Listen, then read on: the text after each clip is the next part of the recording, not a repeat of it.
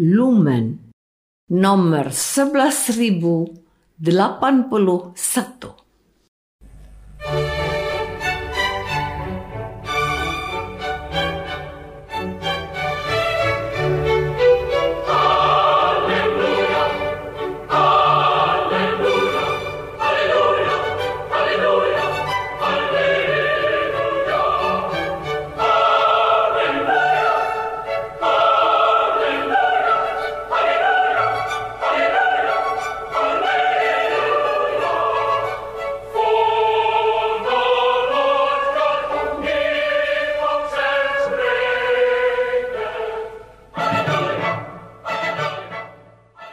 Saudara pendengar di segenap penjuru tanah air, selamat bergabung dengan Lumen Indonesia. Lumen Indonesia siap melayani Anda setiap hari. Saudara terkasih, marilah kita bersatu dalam Tuhan kita Yesus Kristus yang tidak berubah dahulu, sekarang, dan selama-lamanya. Allah Sang Maha Rahim mengasihi dan menerima sebagaimana adanya kita Allah Bapa kita di surga senantiasa bersedia menolong, menghibur, dan meneguhkan kita dalam menghadapi segala permasalahan hidup sehari-hari.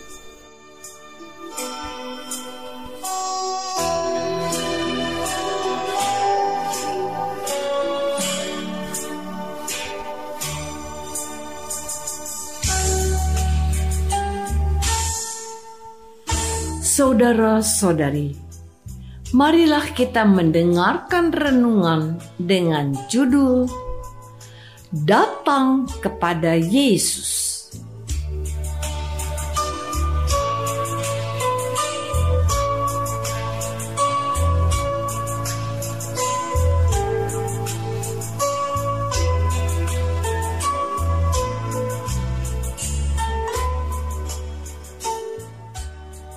Yang berdasarkan pada Injil Matius bab 11 ayat 28 dan 29. Kata Yesus, "Marilah kepadaku semua yang letih lesu dan berbeban berat. Aku akan memberi kelegaan kepadamu. Pikulah kuk yang kupasang dan belajarlah padaku, karena aku lemah lembut dan rendah hati, dan jiwamu akan mendapat ketenangan.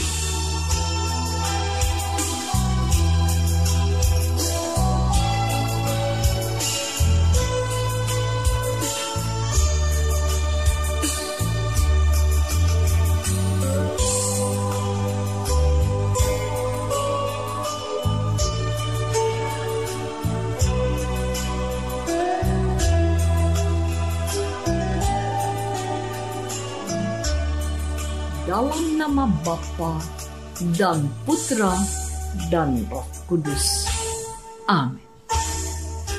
Saudara-saudari terkasih dalam nama Tuhan Yesus Kristus. Hari ini adalah hari Rabu, pekan kedua masa Advent. Kita terus menantikan kedatangan Yesus Kristus yang telah dinubuatkan oleh para nabi. Sikap menantikan berarti kita siap menyambut Yesus. Bacaan Injil pada hari ini mengajak kita untuk datang kepada Yesus.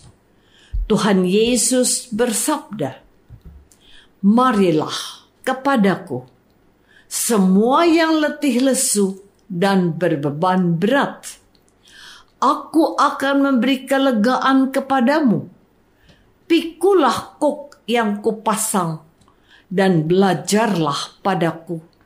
Karena aku lemah lembut dan rendah hati, dan jiwamu akan mendapat ketenangan.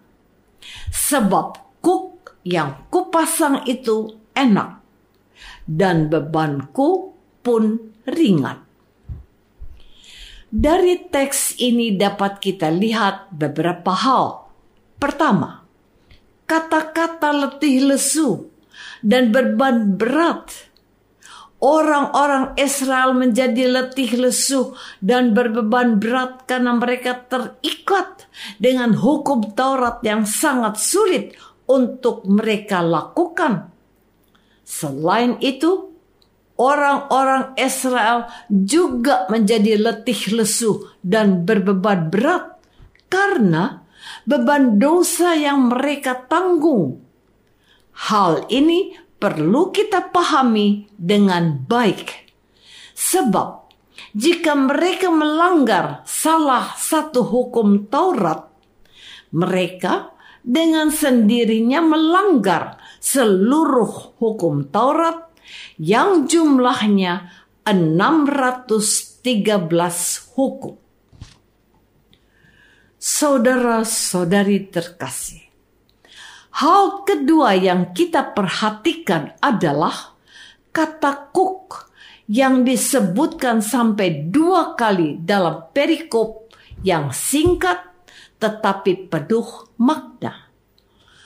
Kuk memiliki banyak makna. Bagi orang Israel, kuk sudah sangat mereka pahami dalam keseharian hidup mereka Kuk adalah sebuah perkakas yang menghubungkan dua atau lebih binatang seperti lembu, sapi, atau binatang lain sehingga kedua binatang itu jadi satu. Juga diartikan sebagai beban atau palang kayu dengan jepitan kayu vertikal yang memisahkan kedua binatang penarik sehingga bersama-sama dapat menarik beban berat.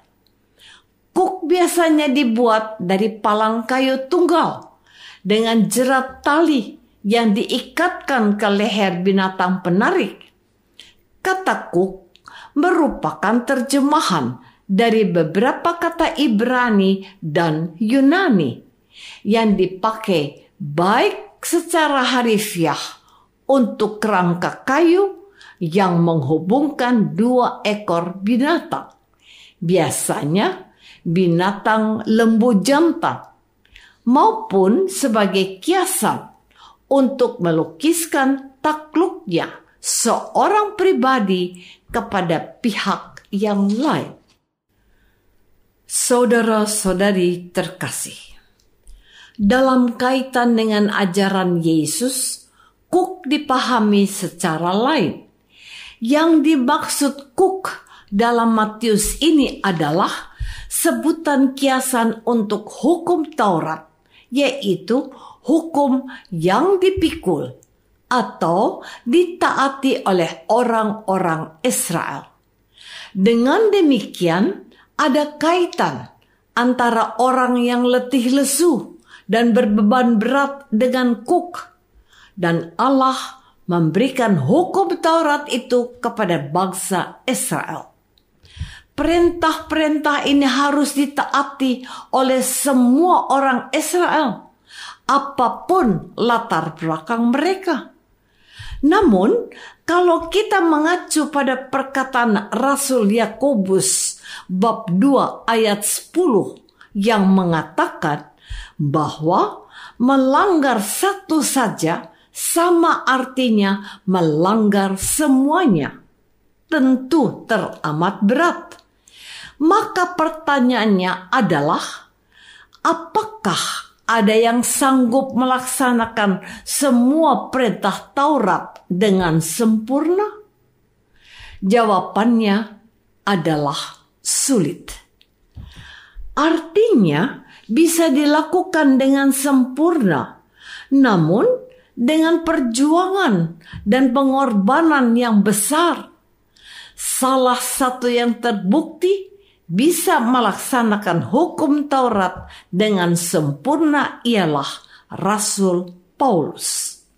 Karena itu, Rasul Paulus yang sangat pandai dengan berani mengatakan bahwa ia termasuk orang yang mentaati hukum Taurat dengan tak bercacat atau sempurna. Saudara-saudari terkasih, kita dapat membayangkan betapa beratnya kuk yang harus dipikul atau ditanggung oleh orang Israel. Oleh karena itu, Yesus menawarkan kuk baru. Kuk baru yang Yesus tawarkan bukan lagi banyaknya hukum atau aturan yang terasa sangat berat dan menyulitkan, tetapi hanya dengan satu hukum yakni hukum cinta kasih. Hukum cinta kasih itu sangat mudah diingat dan ringan. Beda dengan hukum Taurat yang berjumlah 613 perintah. Oleh karena itu, satu-satunya cara yang kita tempuh untuk mendapatkan kelegaan dan ketenangan adalah dengan datang kepada Yesus. Dalam perjumpaan dan kebersamaan dengan Yesus, khususnya melalui Ekaristi, kita belajar untuk menjadi orang yang lemah lembut dan mau berbagi seperti Yesus.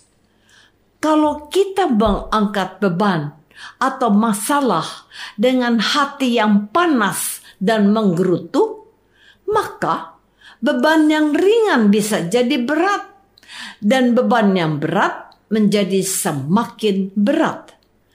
Tetapi kalau kita memikul beban hidup kita dengan hati yang lemah lembut, maka beban yang ringan bertambah enteng dan yang berat menjadi ringan.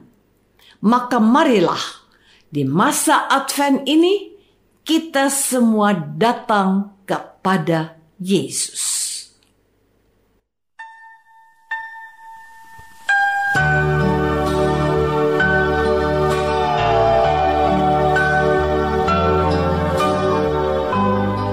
Saudara terkasih, marilah kita masuk dalam saat hening sejenak untuk meresapkan renungan yang baru saja kita dengar bersama dalam kehidupan iman kita masing-masing.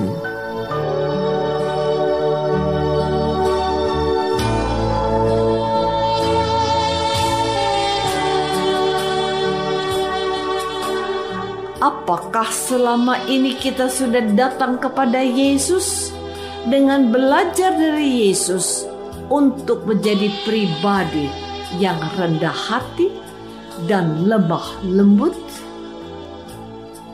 Marilah kita berdoa.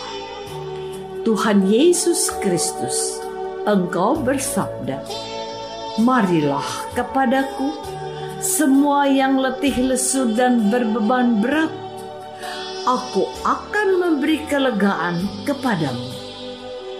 Ya Tuhan, di masa Advent ini kami datang membawa seluruh beban dan kesulitan kami kami ingin mengenakan kuk baru dari engkau, yakni kuk cinta kasih.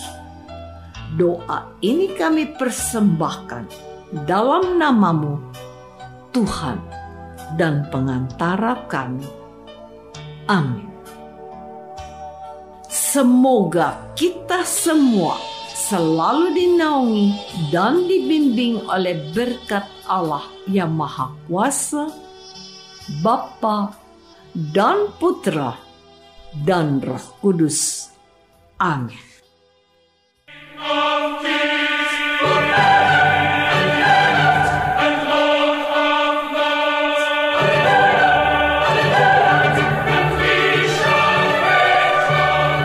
Dengan penuh kasih dan sukacita, Lumen Indonesia mengundang saudara-saudara seiman di segenap penjuru tanah air Sekiranya ada tanggapan ataupun saran, kirimkan surat Anda ke Lumen Indonesia.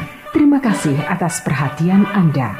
Sampai berjumpa lagi dengan Lumen Indonesia pada waktu dan gelombang yang sama esok hari.